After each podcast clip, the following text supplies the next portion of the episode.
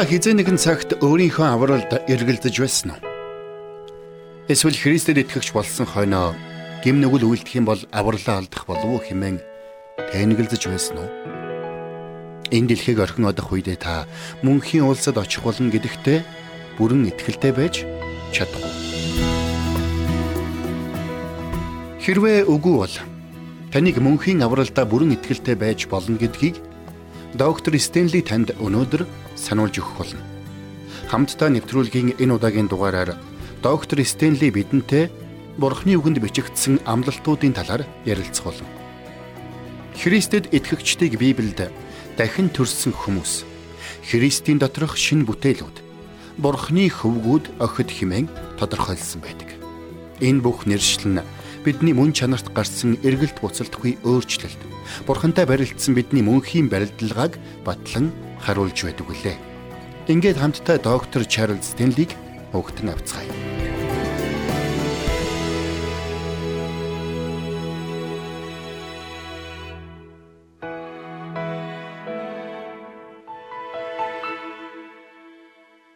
Хамтдаа Библийг нэгэд Эфес номын 1-р бүлгийн 11-ээс 14-р эшлэлийг гаргаад уншия.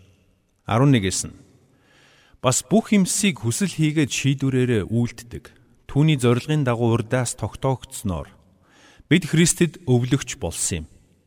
Ингэснээр Христэд анх түрүүнд найдсан бид. Түүний алдрын магтаалын төлөө байх юм.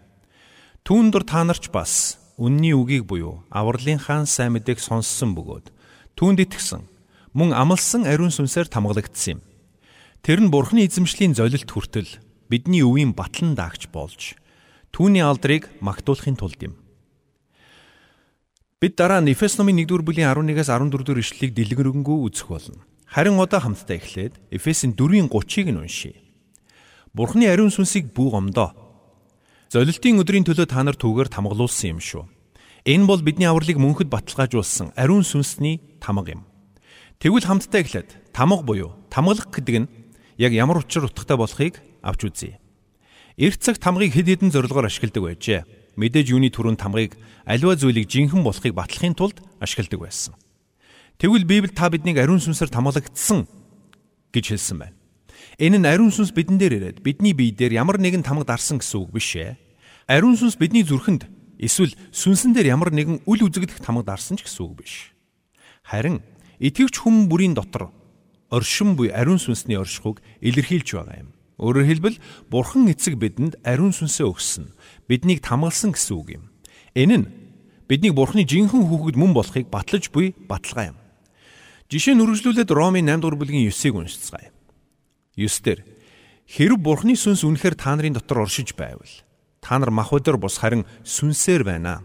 Хэрв хэн нэгэнд Христийн сүнс байхгүй бол тэр түүнийх биш.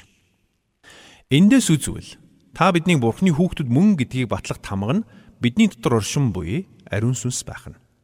Тэгэхэр тамга нь юуны түрүүнд жинхэнэ гэдгийг батлах зорилготой юм. Хоёр дахь нь энэ нь эзэмшлийг илэрхийлдэг. Өөрөөр хэлбэл ариун сүнсний оршихуй нь бидний Бурхны эзэмшил болохыг баталдаг юм. Үнэхээр Бурхан бол бидний эзэн. Бурхан эцэг маань биднийг ариун сүнсээрээ хамгаалсан. Биднийг Бурхны хүүхэд мөн болохыг батлаа зогсохгүй бидний Бурхны эзэмшил болохыг мөн батлаж байгаа юм. Бид өөрөө өөрсдийнхөө эзэд нь бишээ. Бид Есүс Христийг аврагчаа болгон хүлээн авсан тэрл мөчөд өөрөө өөрийнхөө эзэн байх эрхээс татгалцсан юм. Тинхүү тэр цагаас эхлэн бид Бурхны эзэмшил болсон. Тэр биднийг уучлж, аварч, зольж, өөрийн үнд цусаараа худалдан авсан юм. Тиймээс бид гарцаагүй түүний эзэмшил юм.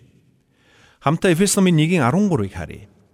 Түүн дор та нарч бас үнний үгийг буюу авралынхаа сайн мэдээг сонссон бөгөөд түүнд итгэсэн мөн амлсан ариун сүнсээр тамгалагдсан гэсэн байгаа юм.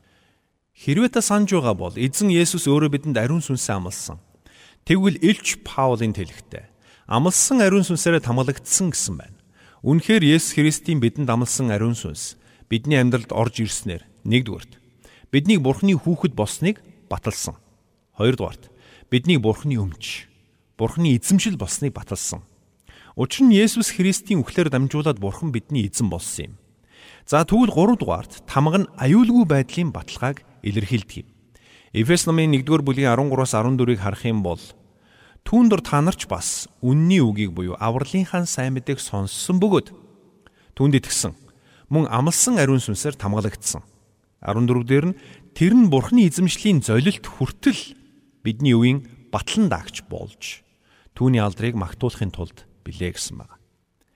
За тэгэхээр та бид Христийн сайн мэдээг сонсож, Есүс Христийг аврагч эзнээ болгон хүлээн авах үедээ ариун сүнсийг хүлээж авдаг. Энэ тухай Эфес номын 4:30-д хэлэхдээ золилтын өдрийн төлөө та нар түүгээр тамгалуулсан юм шүү дээ гэсэн байна. Тэгвэл энэ тамга хэр удаан хүчнэтэй байх вэ?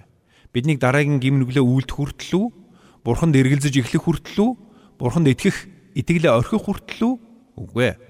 Харин энэ тамга нь золилтын өдрийн төлөө буюу золилтын өдрийг хүртэл хүчнэтэй байх болно гэдгийг Илч Паул хэлсэн байна. Есүс Христ өөрөө ч энэ тухай хэлэхдээ Иохан 10 дугаар бүлгийн 28 29 дээр би тэдэнд мөн хамиг өгнө. Тэд хизээч мөнхөхгүй бөгөөд тэднийг хинч гараас маань булаахгүй. Тэднийг надад өгсөн эцэг минь бүхнээс агуу бөгөөд тэднийг хинч эцгийн гараас булааж чадахгүй гэж хэлсэн юм. Яагаад тэрвэ? Учир нь тэд бүгд ариун сүнсний оршихуугаар тамалагдсан байх болно. Шинэ гэрээний Эфес номыг унших юм бол тэнд ариун сүнсний тухай өгүүлсэн маш олон ишлэл байгаа. Гэхдээ тэдгээрийн хаанч ариун сүнс биднийг орхин одох тухай өгүүлээгүй байдаг юм. Зөвхөн Эфес ном гэлтгүй. Шинэ гэрээний хаач тийм ишлэл байхгүй. Тэгвэл Эфес номын 4:30 дээр Бурхны ариун сүнсийг бүг омдоо гэсэн юу гэсэн утгатай юм бэ? Бид ариун сүнсийг гомдоох юм бол авралаа алдна гэсэн үг үү? Үгүй ээ. Хэрвээ тийм байсан бол ариун сүнсийг бүг омдоо. Эс тэгвэл та нар авралаа алдах болно хэмээн хэлэх байсан шүү дээ. Харин Илч Паулын тэлэгтээ Бурхны ариун сүнсийг бүг омдоо. Золилтын өдрийн төлөө та нар түүгээр тамгалуулсан юм шүү дээ гэсэн байгаа юм. Энэ нь биднийг Есүс Христ мөнхийн герт маань дуудах тэр өдрийг хүртэл ариун сүнсээр тамгалсан гэсэн үг юм. Тиймээс энэ амьдралын туршид бидний аврал бүрэн баталгаатай гэсэн үг юм. Одоо хамтдаа Эфес 1:14 рүү очие.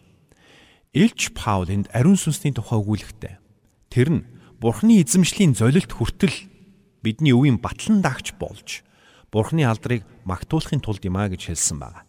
Энэ нь Бурхан ямар нэгэн зүйлийг батлан даасан бөгөөд тэрхүү батлан даалтын илэрхийлэл нь ариун сүнс болдог гэсэн үг юм.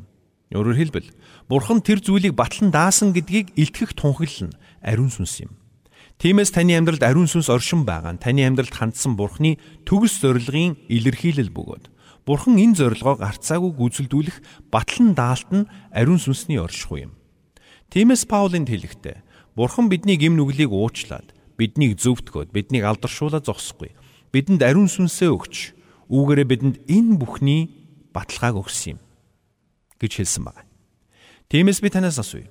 Бурхан өөрийнхөө хийж чадахгүй эсвэл хийх боломжгүй зүйлд баталгаа өгнө гэж юу? Мэдээж үгүй.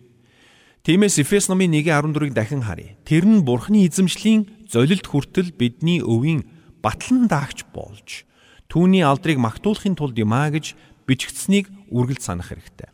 Ариун сүнсний оршихуй бол Бурханаас бидэнд өгсөн баталгаа юм.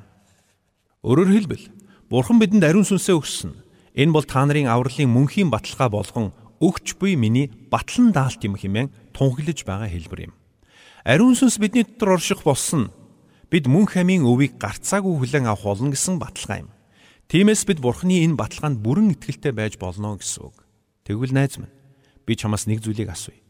Бурхны ариун сүнсээр тамгалагдан баталгаатсан зүйлийг хэн нэг нь нэвдэж хүчнгүй болгож чадна гэж үү?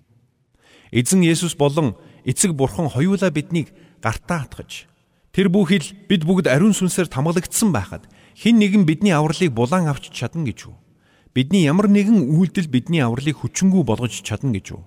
Хэрвээ би өөрөө Бурханаас холдож явах юм бол яах вэ гэж зарим хүмүүсүүд асуудаг. Тэгвэл Иохны 10 дугаар бүлгийн 28-д эзэн Есүс өөрөө би тэдэнд мөн хамиг өгнө. Тэд хизээч мөхөхгүй бөгөөд тэднийг хинч гараас мань булаахгүй хэмээн амласан байхад та Бурханаас холдон явж чадна гэж юу?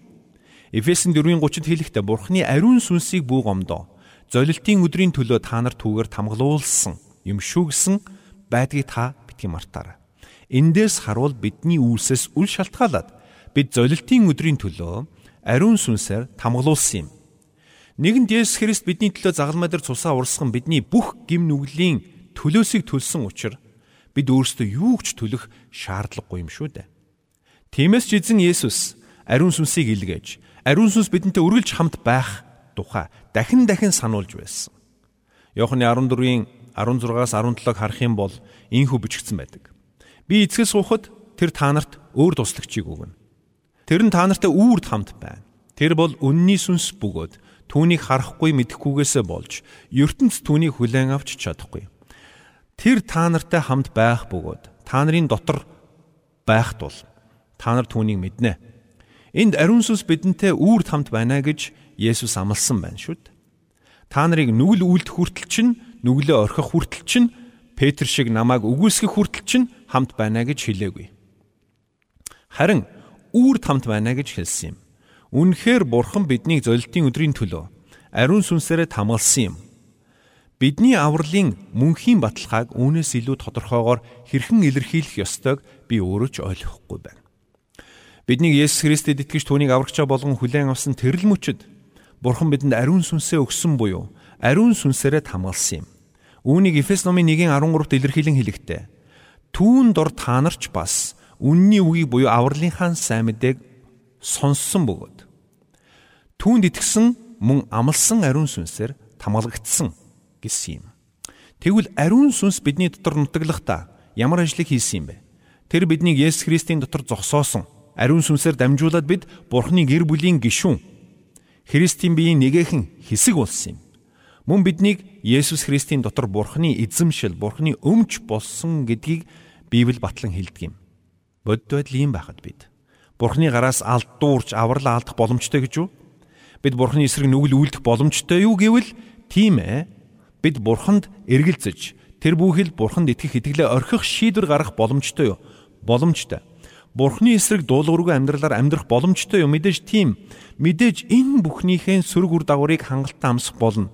Гэхдээ тэглээгээд бид авралаа алдах уу? Хизээч үгүй. Учир нь эзэн Есүс Иохны 10:28-д хэлэхдээ би тэдэнд мөнх амийг өгнө. Тэд хизээч мөхөхгүй бөгөөд тэднийг хинч гараас минь булаахгүй гэсэн байдгийм. Хамтдаа Библийн өөр нэгэн хэсэг рүү очицгоё. Христэд итгэгчид авралаа алдах боломжтой гэж итгэдэг хүмүүс энэ ишлийг ихэвчлэн иш татдаг юм. Гэхдээ та энд нэг зүйлийг ойлгох хэрэгтэй. Библийн ямар ч ишлэлийг хам сэдвээс нь салгаж аваад тайлбарлана гэдэг өөрөө маш учир дутагдaltaй юм. Тиймээс би альва ишлэлийг тайлбарлахдаа заавал их сэдвтэй хам сэдвтэй хамт авч үзэх ёстой гэж итгэдэг.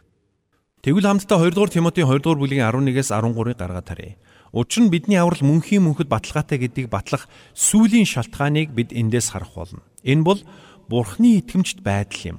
Ингээд хамтдаа 2 дугаар Тимот номны 2 дугаар бүлгийн 11-ээс 13-ыг уншицгаая. Энэ бол итгэмжт үг. Хэрэг бид түүнтэй хамт үгсэн бол түүнтэй хамт мөн амьдрна. Хэрэг бид твчвэл түүнтэй хамт хаанчлна. Хэрэг бид түүнийг үгүйсгэвэл тэр ч бас биднийг үгүйсгэнэ. Бид итгэмжгүй байлаач тэр итгэмжт хിവэр байна. Учир нь тэр өөрийгөө үгүйсгэж үл чадна. Энэ нэшлийг буруугаар ойлгосон хүмүүс Христэд итгэгчид авралаа алдах боломжтой гэж боддог. Учир нь энд хэрвээ бид түүнийг үгүйсгвэл тэр ч бас биднийг үгүйсгэнэ гэж бичигдсэн байна. Тэгвэл энэ өгүүлбэрийг хамтд нь хам сэдвтэн авч үзье. Хамгийн түрүүнд энд хэрэг бид түүнтэй хамт үгсэн бол түүнтэй хамт мөн амьдрнаа гэсэн байгаа юм. Энэ нь Есүс Христэд итгэсэн бидний хувьд хуучин хүн үхэж Христтэй хамт оршуулгдсан бөгөөд цоо шинээр Христтэй хамт амилсан гэсэн үг юм. Цаашилбал хэрвээ бид твчвэл түүнтэй хамт мөн хаанчлан гэсэн байна. Энд биднийг амьдралын аливаа хүнд хэцүү асуудлыг твчиж тисэж чадвал эсвэл ямар нэгэн гим нүгэл үйлдэхгүйгээр дүрм журмыг зөрчихгүй твчиж чадвал бурхантай хамт хаанчлна. Чадахгүй бол түүнтэй хамт хаанчлахгүй гэсэн утгаар энэ үгийг хэлээгүй. Хэрвээ бид твчиж чадахгүй бол авралаа алдах болно гэсэн санаагч илэрхийлээгүй. Харин энд Бурханд итгэх итгэлээр дамжуулан бидэнд өгөгдөх мөнхийн шагнал эвэлюрол эрх мэдлийн тухай өгүүлсэн байгаа юм. Цаашилбал хэрвээ бид түүнийг үгүйсгэвэл тэр ч бас биднийг үгүйсгэнэ гэж хэлсэн байна. Энд юу үгүйсгэх тухай ярьж байна вэ? Бидний авралыг үгүйсгэх үү? Үгүй ээ. Харин Бурхантай хамт хаанчлах үедээ Бурханаас хүлээн авах шагналыг маань үгүйсгэх тухай ярьж байна гэж бид ойлгох хэрэгтэй. Петр тэр нэгэн шүн түүдэг галын дэргэд Есүсийн нүдэн дээр түүнийг өгүүлсгсэн. Харин Есүс хажуугаар нь алхаж өнгөрөхдөө Петрэ чи одоо минийх биш болсон шүү гэж хэлээгүй. Тиймээс энд бидний авралыг үүсгэх тухай яриаггүй гэдгийг бид ойлгох хэрэгтэй. Цаашилбал 13 дугаар ишлэлдэр бид итгэмжгүй байлаач тэр итгэмжт хിവэрэ байна. Учир нь тэр өөрийгөө үүсгэж үл чаднаа гэсэн юм. Энд бичигдсэн үгс нь бидэнд Бурхны амлалт баталгаатай болохыг дахин нэг удаа сануулж байна. Эндээс үзвэл итгэмжт байдал гэдэг бол Бурхны мөн чанар байх нь. Тиймээс Бурхны итгэмжт байдал нь бидний итгэмжт байдлаас шалтгаалдаггүй юм. Үүнийг үүнээс илүү тодорхойгоор хэрхэн илэрхийлж хэлхийг би өөрөөс сайн мэдэхгүй байна. Илч Паулын хэлэхдээ хэдийгээр бид итгэмжгүй байсан ч бид хүнд хэцүү зовлон бэрхшээлийг туулж үл итгэл, эргэлзээ тэнэгэлзэд автсан байсан ч Бурхан өөрөө өөрийгөө үүсгэж чадахгүй учраас тэр итгэмжт хэвээрээ байх болно гэж хэлсэн байна. Өөрөөр хэлбэл Бурханы итгэмжт байдал бидний итгэмжт байх эсхээс огтж шалтгаалдаггүй байх нь. Энд би өөр нэгэн жишээ гэж татмаар байна. Хамтдаа Лук ном руу очие. Лук номын 7 дугаар бүлгийн 17-оос 19-ыг гаргаад харах юм бол ингэж өгүүлсэн байна. Түүний тухай энхүү зар Юудэ даяар болоод хавийн бүх нутгаар тархлаа. Шав нар нь Йохонд энэ бүхний тухай мэдүүлжээ. Йохан шав нараас хоёрыг нь дуудаж та ирэх ёстой нэгэн мөн үү? Эсвэл бид өөр нэгнийг хүлээх үү гэж асуулгахаар эзэн рүү илгээв. Энд гарч байгаа Йохан бол Йоханы 1-р бүлгийн 29-т Есүсийг харах тун ертөнцийн нүглийг үүрэгч Бурхны хураг хэмээн тунхаглаж байсан баптизм хүртээгч Йохан юм. Тэрээр бас Матай номын 3-р бүлгийн 11 дээр харин надаас илүү хүчрхэг нэгэн миний араас ирж байна.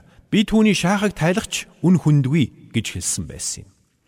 Гисэн хэдий ч шоронд хоригдож байхдаа Йохан Есүст хандан та ирэх ёстой нэгэн мөн үү эсвэл бид өөр нэгнийг хүлээх үү хэмээн асуулгаж байсан. Өөрөөр хэлбэл Есүсийг Бурхны хураг хэмээн тунхаглаж байсан Йохан хүртэл эргэлзэж тэнэгэлзэх цаг ирж байсан гэсэн үг юм.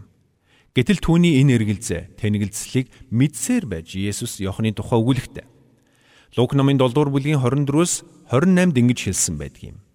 Йоханы зарлаг элч нар явмагц. Есүс хурсан олонд Йоханы тухай ярьж эхлэв. Юу харах гэж та нарт сүлд очсон бэ? Салхинд найгах зэгсийг үү? Тэгвэл та нар юу харах гэж очив? Хэнцэр хувцалсан хүнийг үү? Үзэгтэн. Хэнцэр гоёмсгоор хувцлаж баян тансаг амьдрагчт нь хаадын ордонд байдгийг. Тэгэхээр юунд та нар тийшээ очисон хэрэг вэ? Иш үзүүлэгчийг харах гэж үү? Тийм ээ. Би та нарт хэлье. Иш үзүүлэгчээс ч илүү нэгнийг харах гэж. Түүний тухайд харахтун би түрүүнд чинь зарлаг элчээ илгэн. Тэрээр өмнөх замыг чинь бэлтгэн гэж бичигдсэн юм. Эмэгтэйчүүдээс төрөсдийн дунд Йоханнес илүү нь үгүй. Харин Бурхны хаанчлалын хамгийн баг нь ч түүнээс агуу билээ гэж айлдав. Би энд Бурхны хамгийн агуу хоёр зарцын тухай ярьж байна.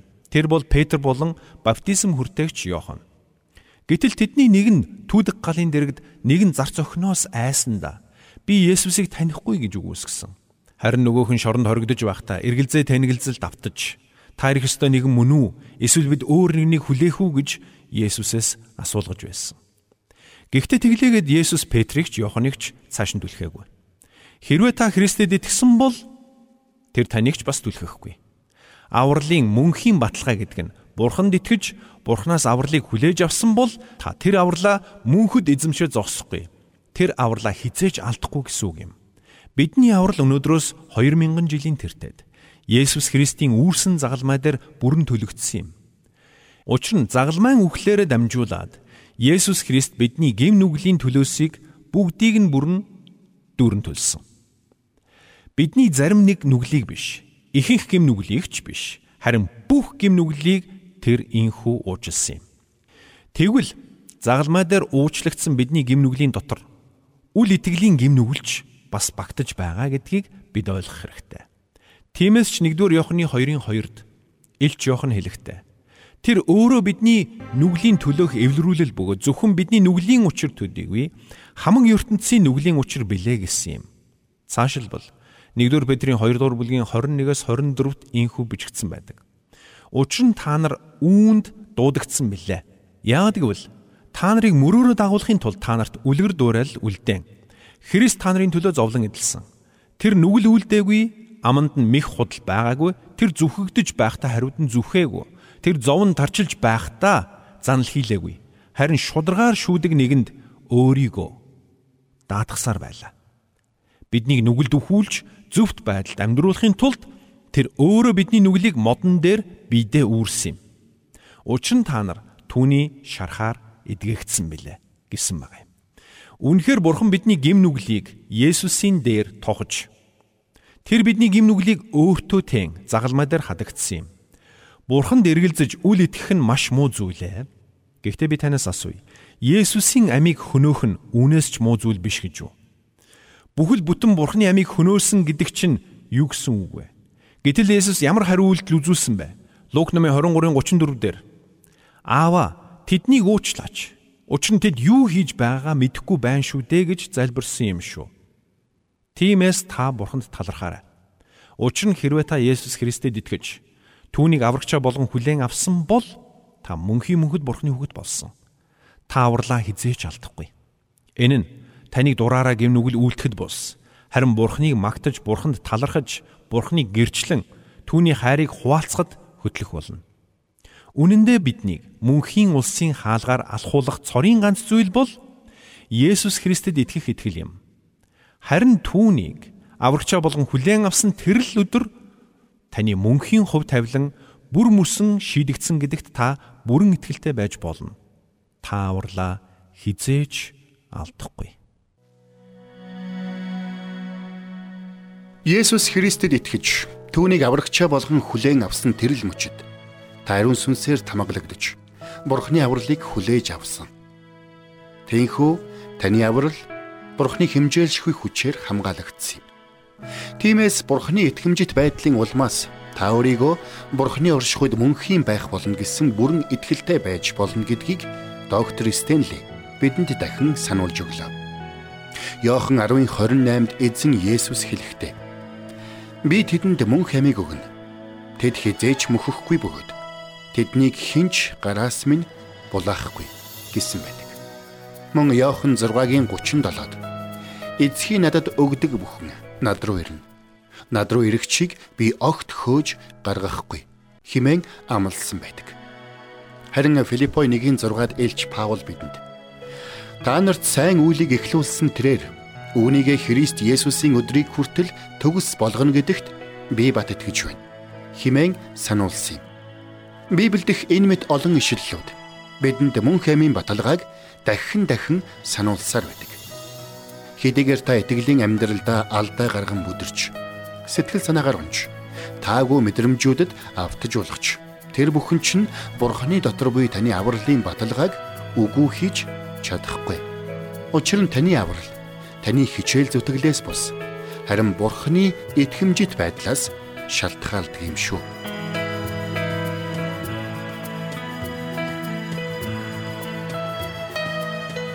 Бурханд тэмүүлсэн сэтгэл хүмүүсийг энэрх зөрхөөр амьдрахад туслах номлогч доктор Чарлз Стенлигийн хамттай нэвтрүүлэг сонсогч танд хүрлээ. Нэвтрүүлгийг дахин сонсохыг хүсвэл ихтгэл радиоцик.com-оор зочлоорой. Бидэнтэй холбогдохыг хүсвэл 8085 99 тэгтэг дугаард хандаарай.